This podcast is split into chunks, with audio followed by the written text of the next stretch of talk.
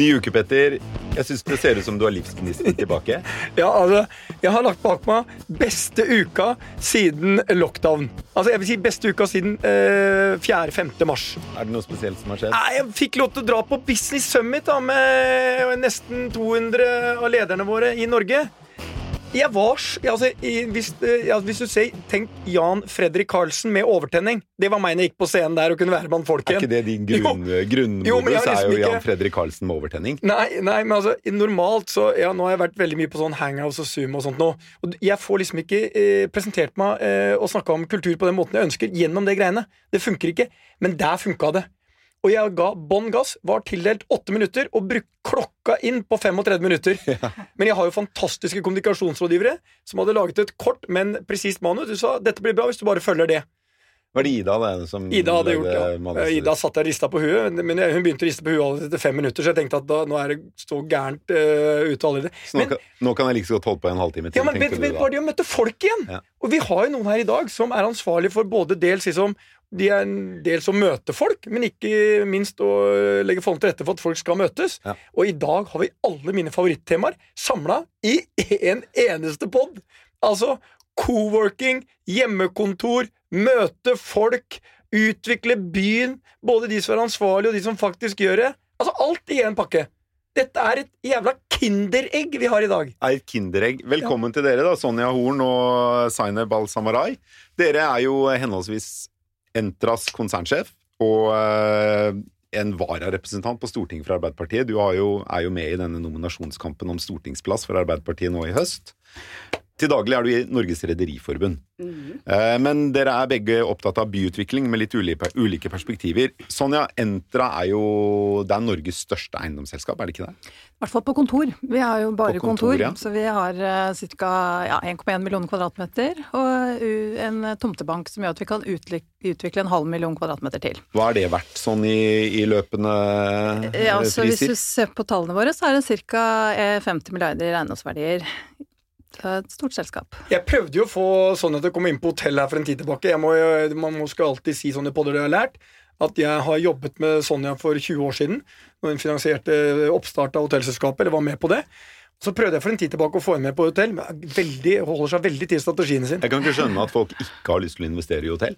Ja, men dette var, dette var før mars, da, ditt hue. Ok, vi går inn. Men én ting som jeg tenkte på Men vi kan jo si at akkurat i dag så var det kanskje et klokt valg. Ja, Du var bare langsiktig, du, Sonja. Ja, ja, i dag så det, I dag er jeg enig. Men, så, men, men det er en ting altså. Jeg tror at politikere, Hvordan funker det å være politiker nå? Altså, Jeg tror at politikere liksom, de må møte folk. De, hvordan er det, Seine? Du skal møte folk, du skal ut, og nå må du gjøre det på, på Skype. Ja, det er jo litt annerledes, fordi i likhet med deg så er jeg jo glad i å ha den energien når man er i samme rom og snakker masse sammen. Så jeg husker fortsatt det første møtet jeg fikk vært på etter lockdownen. Så satt jeg jo og holdt appeller. Eh, For jeg hadde jo savna så mye å stå på en talerstol og snakke. Og da var det liksom tre Det sånn var passe så- søvnige personer i rommet. Og, Ja, de var liksom ikke så engasjerte som meg, men jeg var liksom sånn Endelig skal jeg få muligheten til å gjøre det. Så det var jo veldig, veldig spesielt. Men jeg fikk jo faktisk møte på Stortinget under korona, da, så jeg hadde jo fysiske møter med folk med lang avstand, og det var også ganske spesielt, fordi det er noe eget når du kommer inn på Stortinget, og så lukter det sykehus, liksom, for det er så desinfisert at uh, ingenting kommer til å bryte gjennom. Det var liksom ikke muffin til kaffen, det var antibac. Ja, det var faktisk det, og det var antibac på plastene og Men hvordan er det du så, Når du Altså Politisk valgkamp handler jo veldig mye om, som Petter sier, om å møte mennesker. Du er enten på et, et eller annet en eller annen samling, eller du banker på dører og deler ut brosjyrer, eller du er på landsmøter osv. Og, så og mye av det er jo nå ikke-eksisterende. Eh, hvordan er det man driver en valgkamp uten å kunne møte mennesker? Det er jo litt sånn spesielt, da, men det blir jo litt eh, mye sosiale medier. Eh, og så blir det en del ringing. God gammeldags ta opp telefonen og ringe folk og prøve å få dem til å liksom støtte deg. For den valgkampen vi gjør nå i Arbeiderpartiet når det kommer til nominasjonen, er jo internt. Så da må man jo ringe egne folk, eh, og ikke liksom helt, helt fremmede, Men ringer du eller er det på Face? Jeg gjør begge deler. Ja. Så Hva liker du best? Eh, jeg liker egentlig å snakke med folk, da. Ja. Eh, jeg syns det med, med Facebook Det er jo fint at folk liksom ser meg og husker på meg, men, men hvis jeg skal liksom få frem budskapet mitt ordentlig og Jeg litt tenkte bedre mer FaceTime istedenfor ringing. Kombinere ringing og Facebook. Ja, Så gå på Kalt FaceTime. FaceTime. Ja, nei, man gjør ikke det så mye. Okay. Uh, nei, og jeg, jeg har jo vært en av de som er dårligst på å bruke kamera under disse Zoom og Ja, du slår nå? Ja. Ja, det er mange som gjør det. Du, en, en ting jeg lurer på, Sonja. Du du, du, du er jo bare på kontor. Ja. Og nå hører vi hver dag alle må være på hjemmekontor. Mm. Um, og jeg skal ikke, det, vi kan, Du kan ta den problemstillingen etterpå, men spørsmålet ditt går litt i en annen retning. Um, vi fikk et stort, et av Norges største selskap, som sa vi er nødt til å få noen lokalradere. Vi kan leie inn noen store konferanser, vi må dele dem opp. Fordi vi har veldig mange unge mennesker, og de er i ferd med å bli veldig frustrert Mm. og deprimert av å sitte hjemme i leiligheten sin og jobbe. Mm. Og det funker ikke, og vi risikerer å miste de. Ja. Um, og jeg syns det er litt sånn Nå er det veldig mye øh, jeg synes, Og jeg syns det er trist, det som skjer, at man øh, sier ungdom må skjerpe seg, og dere kan ikke møte sånt noe. Ta bort alt det som er det å være ungdom. Og i tillegg skal de sitte hjemme på hjemmekontor. Hva tror du det gjør med den generasjonen vi har nå, som mange av de begynner karrieren sin nå, når høsten kom nå? Alle trainees, interns, alt sammen kommer i gang nå. Mm. Og så skal de, mange av de selskapene sagt dere begynner på hjemmekontor. Ja. Jeg tror, altså det, når vi snakker med våre kunder, så er jo det en av de store utfordringene som de ser med hele situasjonen. Og eh, onboarding-dimensjonen er utrolig viktig. Så veldig mange har jo prioritert nettopp de unge. Så de er de første som får lov til å komme inn på kontoret. Men det er klart at eh, det er veldig vanskelig å lære en bedrift å forstå hva bedriften driver med, og vise seg frem i forhold til hva du er god for.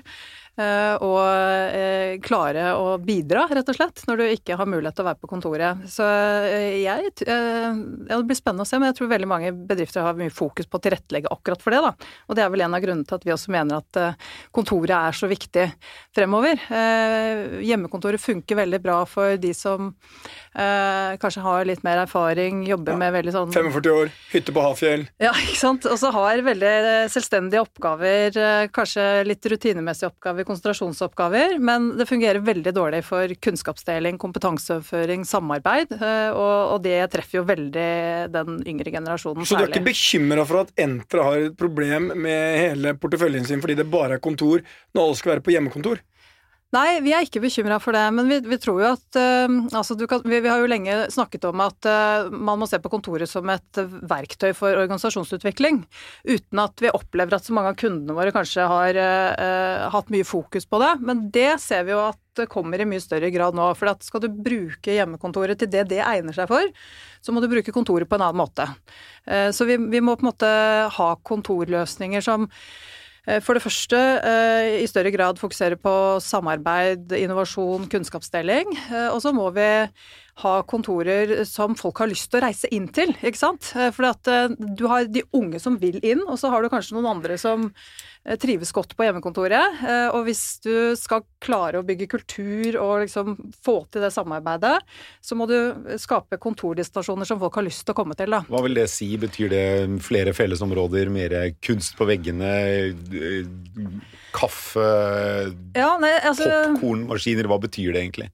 eh, Kanskje alt det der. Ja, Men jeg- Her må alle nei, kontorer være som Google. Ja, Det er et godt eksempel, for de har jo ligget litt i front egentlig i forhold til å, å tenke i disse baner. Vi utvikler jo nå et prosjekt eh, i Oslo som vi har kalt for Rebel, som er eh, et eh, kraftsenter for teknologi, der vi eh, har huser teknologiselskaper, alle teknologimiljøene fra de store selskaper, fra offentlig sektor, fagmiljøer, og så kommer Oslo Met inn og, og har en ambisjon om å lage Norges beste Men teknologiutdanningslinje der. der. ta Rebel, det er jo et godt eksempel på det. Mm. fordi det er jo et, et relativt høyt bygg i Oslo sentrum, like bak Tullinløkka. Det ligger ved Pilestredet, for yeah. de som er kjent i Oslo. Og eh, ikke langt unna så har dere også et annet eh, co-working-område som heter Spaces, eh, eller det er Spaces som leier dere av Mhm. dere. Ja. Så dere har jo i, en ganske liten radius så har dere to såkalte co-working-bygg. Um, men der er jo mye av konseptet nettopp at man skal sitte veldig tett. Uh, I hvert fall for å få lønnsomhet i det, så trenger man at folk sitter tett, så du kan maksimere kvadratmeterleien.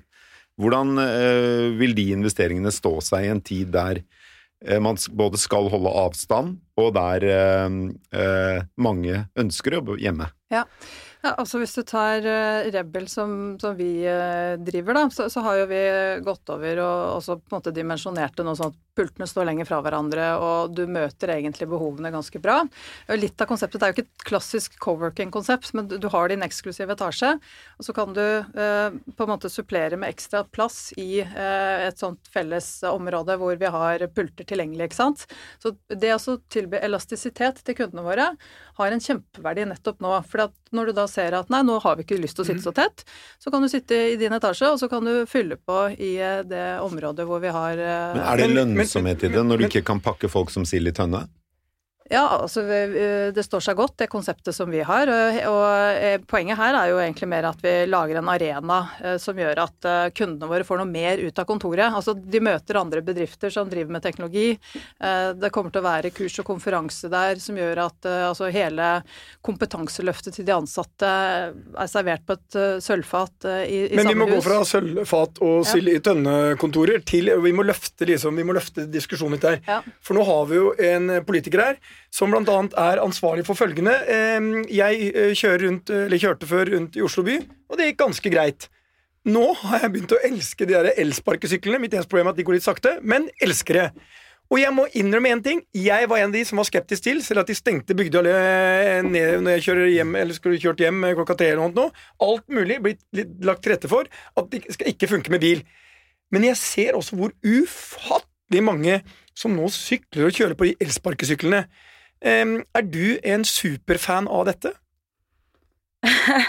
jeg, I likhet med deg så var jeg jo også litt sånn eh, Jeg vil ikke si at jeg var skeptisk, jeg var litt nysgjerrig på hvordan det skulle fungere. For jeg hadde jo sett det i San Francisco og syntes det egentlig var litt kult, men eh, Kan bare dra til København, så funker det bra ja, der, og Stockholm. Det var, liksom, det var ikke sånn typisk uh, Oslo-ting, men da det kom, så så må jeg si at uh, første gang jeg brukte en elsparkesykkel, så, så, ble jeg jo helt frelst. Det var sånn, Jeg ville nesten ta fri fra jobben og bare stå på elsparkesykkel hele tiden, for det var jo så gøy. Uh, men vi ser jo nå, når det har kommet masse firmaer, og det har vært liksom helt eh, ukontrollert, sånn som det har vært i Oslo, så er det jo et problem når det blir sånn at uh, folk med funksjonsnedsettelse eller andre grupper ikke kommer seg inn i byen. Det som skal på en måte være en frihet, skapte mindre frihet Men for andre mennesker. Men det er enkelt for dere å løse, det er å lage noen plasser hvor de skal parkeres. Så det er sånn, det er bare litt udugelighet blant uh, politikere som ikke uh, klarer å fatte rette beslutningene.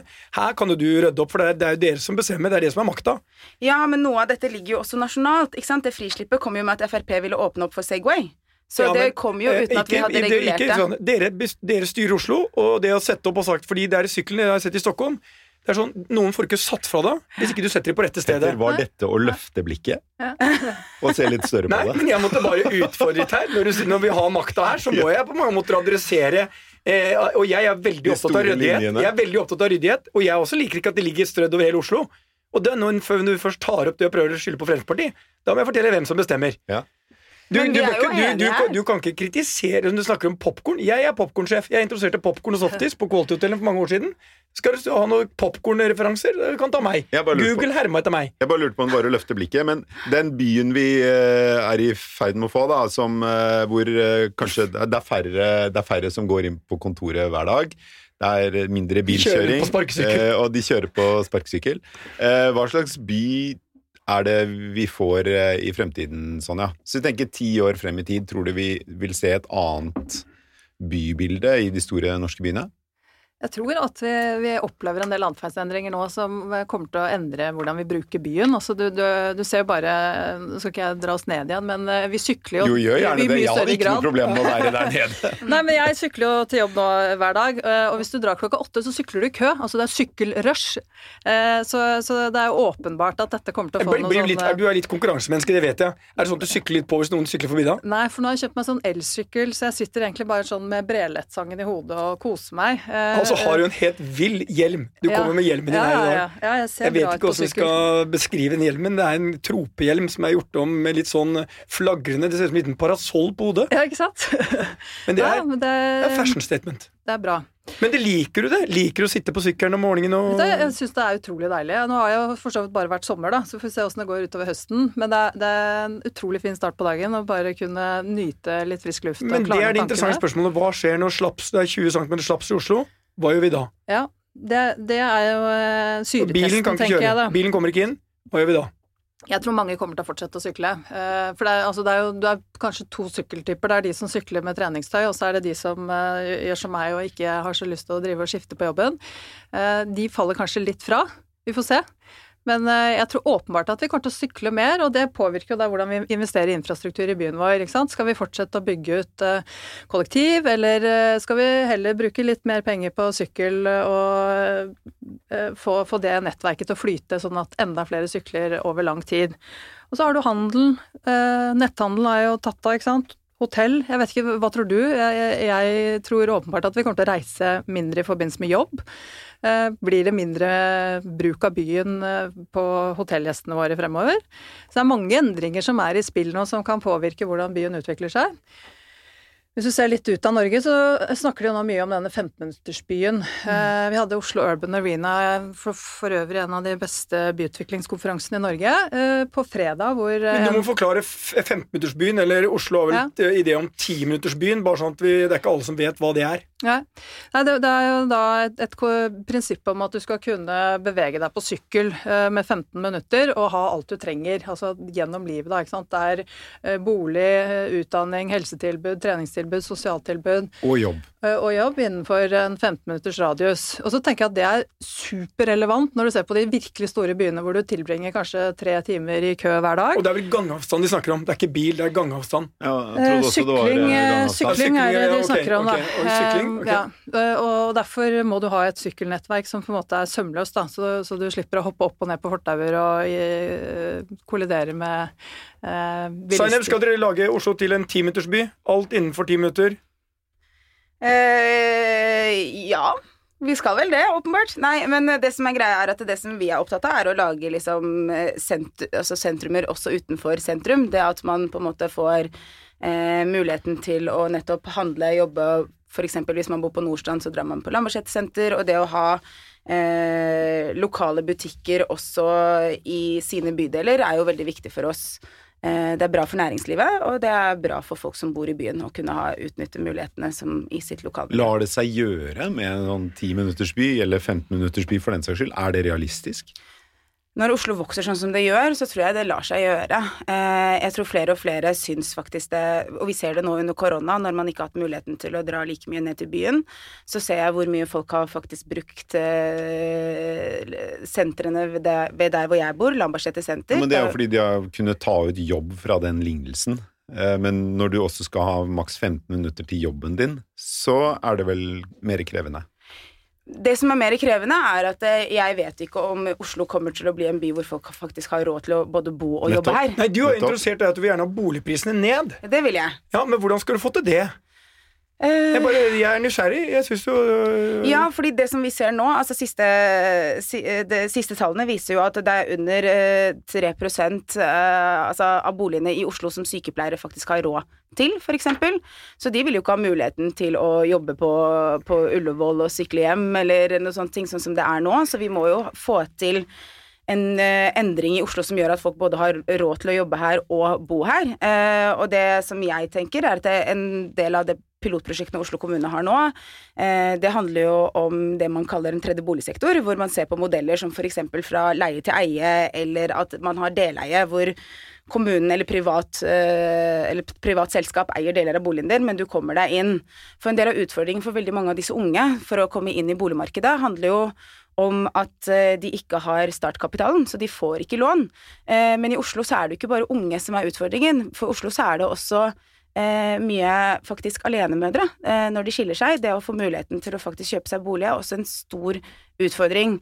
Um, så det at vi ser på muligheter for pilotprosjekter, som det man kaller tredje boligsektor i Oslo, tror jeg er veldig viktig. Obos gjør mye kult her. Jeg skal ikke reklamere for Obos med mer enn nødvendig, men de har i hvert fall uh, mange kule prosjekter i gang. Uh, og, og, så må vi se på mulighetene for hva vi som kommune, hva, hvordan vi kan også bruke makta vår for å få private jeg, til å ja, ja, unnskyld at jeg avbryter, Svein, men, men uh, det er jo det er fint med pilotprosjekter, og det er fint med leie til leie, og det, vil, det, er, det, er, kanskje konsepter som kan hjelpe noen, men sånn grunnleggende, hvis du ser på hvordan konsentrasjonen rundt byene er i Norge nå, mm.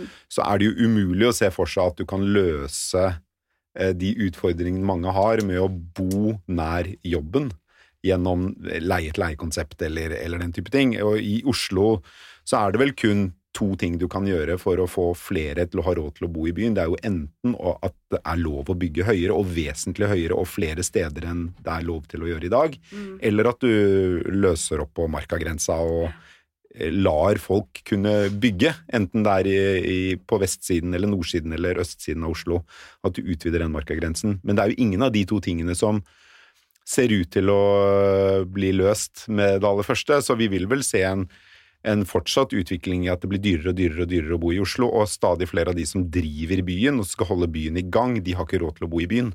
Så da må du ha flere T-baner og tog og busser ut av Oslo fra Drammen, Moss og andre steder. Men man ser også, sånn som i, i London, så har jo uh, Labour der har jo en sånn greie at hvis du som privat utbygger har tenkt til å bygge ut, hva som helst, så må 30 av eh, din plan eh, være affordable housing, som de kaller det. De har jo mye større problemer der enn oss, for affordable housing går jo også på det å ha muligheten til å leie, og ikke bare eie. Vi er jo veldig opptatt av at man skal ha muligheten til å eie i Norge, så jeg tenker at eh, kommunene må Det ligger noe av feilen der? Jeg ser i Sverige så er man mye mer sånn, der er mye mer vanlig å leie. Mm. Vi har tradisjon for det, og har alltid hatt tradisjon for det, og 80% av folk i Norge eier jo sin egen bolig. Men er det ikke viktig at de har et bra liv og har en bra leilighet? Og ikke liksom, eh, for at Noe av utfordringen er at unge mennesker Men det løser vel ingenting, gjør det det? Altså Om man endrer fra eie til å leie, så vil det jo fremdeles være en sterk Da blir terskelen lavere for å komme inn? Ja, kanskje litt, men, men, eh, men, det grunnleggende er jo likevel at med en så sterk begrensning på hva du kan bygge og hvor du kan bygge, særlig i Oslo da, og i Bergen med, med, med De syv søstre, eller hva det heter, så, så er, det jo, er, det jo, vanskelig å se for seg at man skal ha noe annet enn en fortsatt langsiktig vekst jo, men i boligprisene. Mitt, mitt poeng er bare det har blitt sånn her greie i Norge mm. at hvis, du er nesten dum hvis du leier. Men det er jo en utfordring når det å eie en bolig er jo en form for å investere i din framtid og dine barns framtid. Og hvis du ikke eier en egen bolig, så er du på en måte Da blir liksom klasseskillet mye større, da. Du er mm. liksom fattig ja. hvis ikke du eier eh, din egen bolig. Og jeg husker det selv da jeg vokste opp. Jeg vokste opp i en kommunalbolig, så jeg leide jo ikke engang vanlig bolig. Jeg, og vi løy. Vi løy som barn. Vi sa jo at vi eide vår egen bolig, og det gjorde vi jo ikke. Alle vi som bodde i kommunal bolig, kjente hverandre. Så vi hadde jo liksom mm. en avtale om at vi alle lyver om at vi eier vår egen. Mm. Og klasseskille altså du, Selv som barn så ble du nesten stigmatisert hvis ikke du eide din egen bolig. Vi har så lang og god Altså, god er den jo ikke, lang tradisjon for at man eier sin egen bolig, at selv barn vet at du nesten er fattig hvis ja, ikke du gjør det. Det tror jeg alle barn får med seg ganske tidlig. Ja. Eh, Sonja, de, kan du se for deg noe annet enn at Hvis vi snakker litt om Oslo, da. Kan du se for deg noe annet enn den utviklingen jeg åpenbart tror på, som jeg tror de fleste har skjønt, at du vil, du vil få med de begrensningene som er på bygging i Oslo. Hvis det blir vanskeligere og vanskeligere og vanskeligere for folk som faktisk driver denne byen, og bo i den. Mm. Tror du det er mulig å snu den trenden? Ja, altså jeg, jeg, tror i hvert fall at erfaringene fra covid-19 gjør vel at eh, terskelen for å flytte ut av byen senkes litt. fordi at eh, du, du, kan sikkert få større aksept for at du sitter på hjemmekontoret eh, et par dager i uka. og hvis du i tillegg da ser at du får litt bedre økonomi ved å bo litt utenfor Oslo, så er jo det en kjempemulighet for veldig mange av de som er i etableringsfasen. Eh, og så er det kanskje eh, sånn at folk også kjenner på at eh, det er en livskvalitet i det, etter at vi har opplevd lockdown og sånn også. Så jeg tror det, folk kanskje tenker litt annerledes fremover. Det blir spennende å se. Kan vi se for oss at flere, i stedet for at folk må dra til jobben, så drar jobben til folka?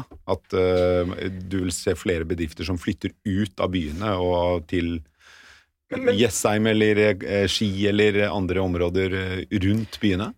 Jeg, jeg, vet ikke. Jeg, jeg, tror jo at eh, de fleste bedrifter er veldig uh, opptatt av å ha den muligheten til å uh, få til kunnskapsdeling og få folka inn for å samhandle, ikke sant. Men det at du kan ha satellittkontorer, eller på en måte hvis du sitter da, bor i Tønsberg, at du kan ha en mulighet til å gå inn på kontoret i Tønsberg og jobbe litt derfra, kan jo være én løsning som kommer ut av dette.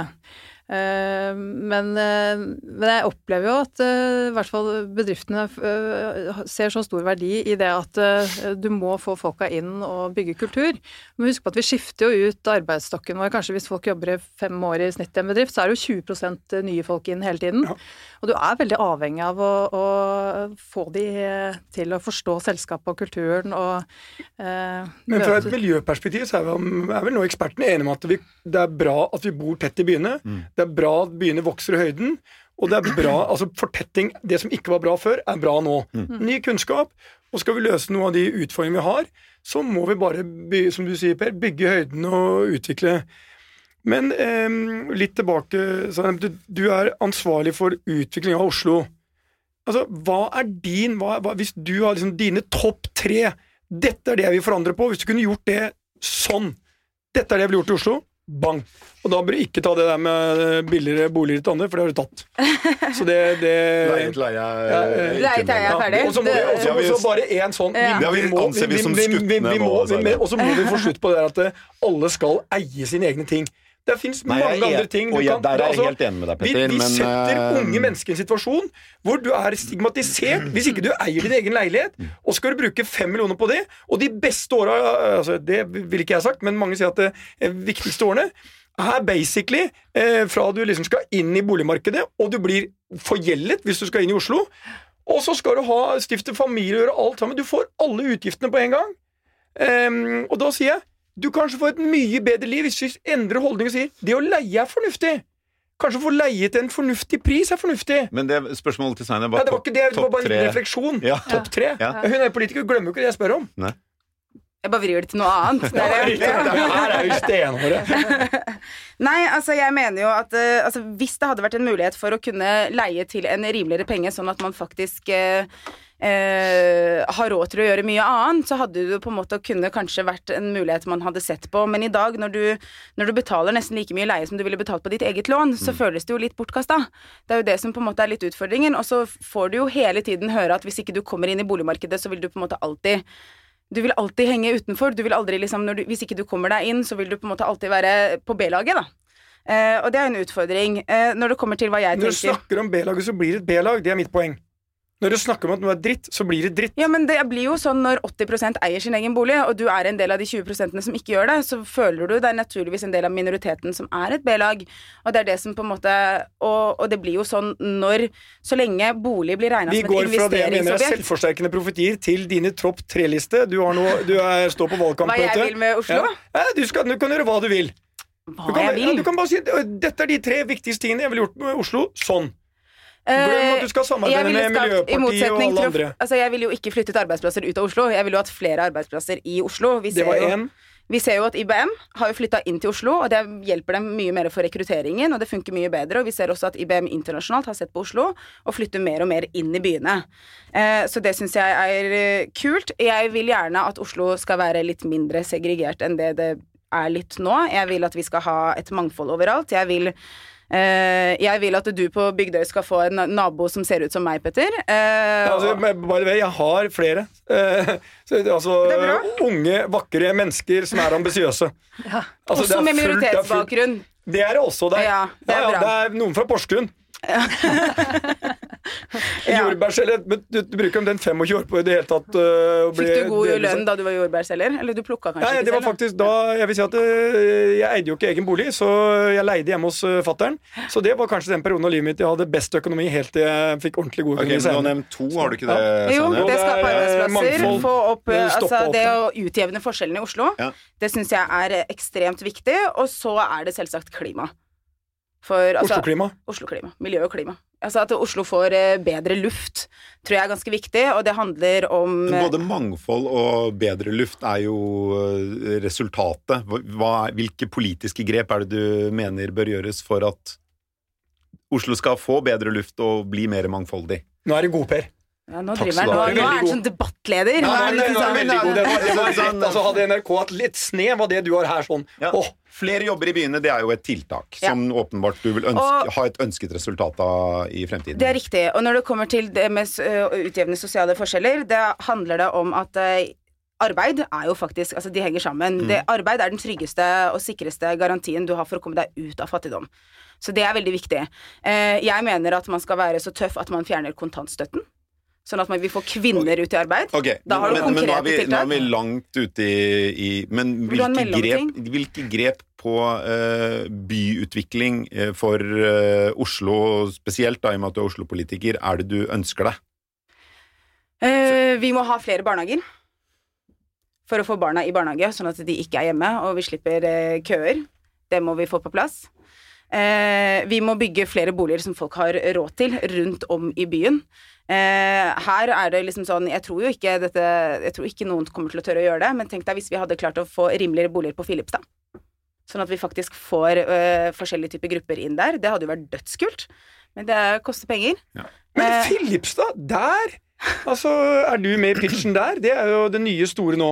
Ja, men Den er ikke lagt ut ennå. Er du med der? Kjenner du på det at det rykker litt i dansefoten når eh, Filipstad blir nevnt? Filipstad er et kjempespennende byutviklingsområde. Det er jo også, havnebyen er jo mer eller mindre ferdig utviklet, så det er på en måte siste, siste delen. Men det er veldig mye bolig der, så, så vi driver jo mest med kontor. Så vi får se om det er Du, noe for du går ikke inn på det. Hæ? Hvor mye ansvar føler du at du har for å bedre mangfoldet i Oslo? Som en aktør i eiendomskontorbransjen? Jo, nei, Vi jobber jo veldig mye med det, men uh, i og med at vi sitter på kontor, så handler det jo litt mer om uh, å skape inkluderende og levende nabolag der hvor vi er. ikke sant? Uh, og, og det handler jo om at vi jobber mye med Kirkens Bymisjon for å forstå litt eh, behovene til alle som bor og lever i byen. og som skal være et sted som alle kan bruke byen på, på like premisser. Eh, Så det er mer den dimensjonen som vi jobber med, men uh, i og med at vi ikke er i boligmarkedet, så har vi ikke brukt så mye tid på det. La oss ta. Petters utfordring til Zainab og gi den til deg òg, da. Hvis du skulle eh, tenkt på tre tiltak for å utvikle en bedre by for fremtiden. Mm. Hvilke tre mener du bør gjøres? Jeg tenker i hvert fall at eh, dette med, med mm, sykkel er egentlig noe jeg har litt trua på. Eh, I forhold til, altså Skal vi komme oss inn til byen uten å belaste uh, klimaet, så må vi investere i eh, sykkel og kollektiv, sånn at det på en måte eh, er hovedtransportåren inn til Oslo. Og så er jeg egentlig ganske bekymra for eh, hva som skjer med bysentrene. eh, fordi at eh, en av, en av dilemmaene da, når vi lager sykkeltraseer, er jo at veldig mye av det som på en måte har vært nærmiljøbutikker og sånn, risikerer å, miste litt av kundegrunnlaget sitt. Så det altså på en måte klare å planlegge for hvordan du skal skape aktivitet i de områdene av byen hvor du fjerner bilene, er en kjempeviktig dimensjon. Der jobbes det jo mye fra Oslo kommunes side, men men den utfordringen blir jo ikke noe mindre eh, nå når vi ser at eh, retail-sektoren eh, utfordres i enda større grad av netthandel. Eh, og siste er jo i forhold til klima, så jobber jo vi veldig mye med uh, å eh, bygge miljøledende bygg. Uh, og vi har jobbet både med å skape plusshus. I Trondheim har vi et bygg hvor vi produserer mer energi. Ja, det bygget er sinnssykt kult. ja, det er veldig kult, og det er på en måte et svar på, på fremtidens måte å bygge på. Det kommer jo nå regulatoriske krav fra EU som gjør at vi i mye større grad er nødt til å bygge på den måten. Men paradokset da, det er jo at vi ikke får lov til å så selge overskuddsenergien vår pga. konsesjonsregelverket i Norge. Så vi trenger litt hjelp fra Så du har ekstra strøm som ligger på et tak i Trondheim? Ja, har fått, vi har fått dispensasjon i fem år, da, sånn at vi får lov til Så nå går jo det til å forsyne bussene i Trondheim. Fantastisk, ikke sant? Grønn, kortreist energi som går til å forsyne mobiliteten i Trondheim, og nabobyggene. Hvor mye dyrere var det å bygge det huset? Eh, altså det huset er jo det første av sitt slag, så det er klart at da er det en del dyrere. Uh, jeg tror ikke jeg, jeg har ikke tallet på stående fot, Jeg men, tror eh, svaret er men det veldig. er, det er uh, jeg kan ta et annet eksempel. Nå gjør vi vårt første gjenbruksbygg her i Oslo, hvor vi har en ambisjon om å ombruke minimum 50% av alt av materialer som går inn der, skal være ombruksmaterialer. Og da ser vi helt konkret at det er ca. 10 000 kroner ekstra per kvadratmeter fordi det er det første gang vi gjør det. Eh, Det er ganske mye for å si at du vanligvis bruker 20 25 000, så er jo det en del. Det er veldig mye 20-30% penger. dyrere. eh, Så det er på en måte en del av eh, innovasjons- og forsknings- og utviklingsbudsjettet til Entra. Vi lærer masse av det, bransjen lærer masse av det, og vi får i gang sirkulærøkonomien i bransjen. Men eh, mye av læringen der skal gå tilbake til politikerne for å få hjelp til å endre på lover og regelverk som, som, ut, altså som gjør at dette er Ja. vanskelig å skalere, da. Ja, for det er jo ganske mye man kan gjøre på regelverket. Gjenbruk og sertifisering av eh, alle elementene som du kan ta fra Petter peker på klokka. Det er første gang jeg tror du har bare fulgt- sjekke ut fulgt hvor, hvor vi var. Ja, Men det er på tide å runde, er det ikke det? Nei, jeg Ok, Petter. Tre, tre utfordringer til deg da på eiendom, byutvikling og eiendomsbransjen før vi runder av. Jeg tror fleksibilitet kommer til å stå høyt på dagsorden. Jeg tror skal vi eh, sikre innovasjon, nyskapning, entreprenørskap, så er vi nødt til å møtes, og vi må skape de møteplassene. Eh, For de skaper du ikke, for da skjer det som eh, med Zaineb, at du slår av både videoen, og etter hvert muter du, og etter hvert så tar du en kopp kaffe isteden. Jeg har eh, levd med innovasjon og utvikling i 25 år, og jeg tror det er viktig at mennesker møtes. Der har eiendomsutviklere eh, en jobb å gjøre. Vi må gå fra tradisjonelle arbeidsstasjoner til noe helt annet. Del to, jeg tror eh, kommunikasjon, altså det å bevege seg rundt i byen, der må vi bli mye flinkere. Jeg syns Oslo har gjort veldig mye bra. Men klart, jeg blir eh, ganske imponert når jeg er i København, hvor effektivt København er sånn transportmessig, hvor enkelt det er å bevege seg rundt der. Tre, så tror jeg man må akseptere én ting. Vi må ikke glemme at folk skal bo i byene våre. Mm. Vi må ikke ha en eh, filosofi hvor man skal bygge avlastningsbyer utenfor byene, for da skaper vi et problem for fremtidige generasjoner. De skal bo i byen, de skal virke i byen, og de skal få alle tjenestene i byen. Og det tror jeg er viktig for Oslo. Og så må man ikke glemme at bilen er her for å bli. Eh, Den byttes bare å gå på nye energikilder, som elbiler og annet, så de må ikke glemme det. Eh, For det må være en helhetlig tanke bak det de gjør. Mm. Det var mine tre. Ja. Ja. Vi må runde av, må vi ikke det? ja, vi må det. Ja, vi må det. Eh, tusen takk skal dere ha for at dere kom i studio, eh, Zainab Al-Samarai og Sonja Horn. Eh, vi snakkes igjen eh, Jeg hadde bare en liten ting helt på slutten før Ja. vi snakkes igjen. Mm. Eh, nå har vi diskutert eh, byutvikling. det. Er jo eh, interessant om eh, alle de som hører på oss, eh, etter hvert kan begynne å sende oss spørsmål og refleksjoner som vi kan ta opp da i etterkant av diskusjonene våre.